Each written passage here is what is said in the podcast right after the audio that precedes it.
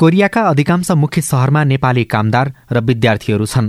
कोरियाको सियोल स्थित नेपाली दूतावासका अनुसार कोरोनाबाट सबैभन्दा बढी थेगु सहर प्रभावित छ। थेगुमा करिब एक हजार नेपाली कार्यरत रहेको अनुमान छ।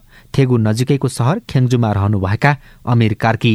हामी बसेको छेउछेउको बजार हुँदै पनि यसो बिस पच्चिसजनालाई कोरोना भाइरस देखाएको छ।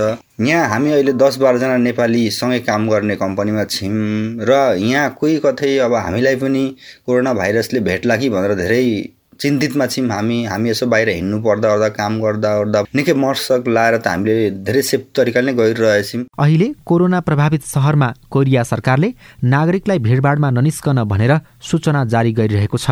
सञ्चार माध्यमहरूले बाहिर नजान मास्क अनिवार्य प्रयोग गर्न सरसफाइमा ध्यान दिन आह्वान गर्दै सूचना र विज्ञापनहरू बजाइरहेका छन्।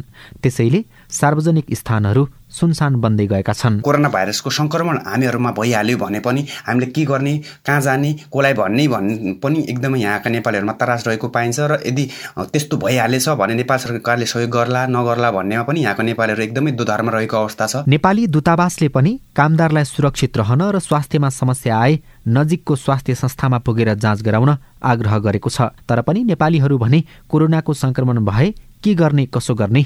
अन्यलमा छन्। नेपाली दूतावासले फेसबुकमा कोरोनाबारे सचेतना दिने समूह पनि बनाएर सन्देश प्रवाहित गर्न थालेको छ।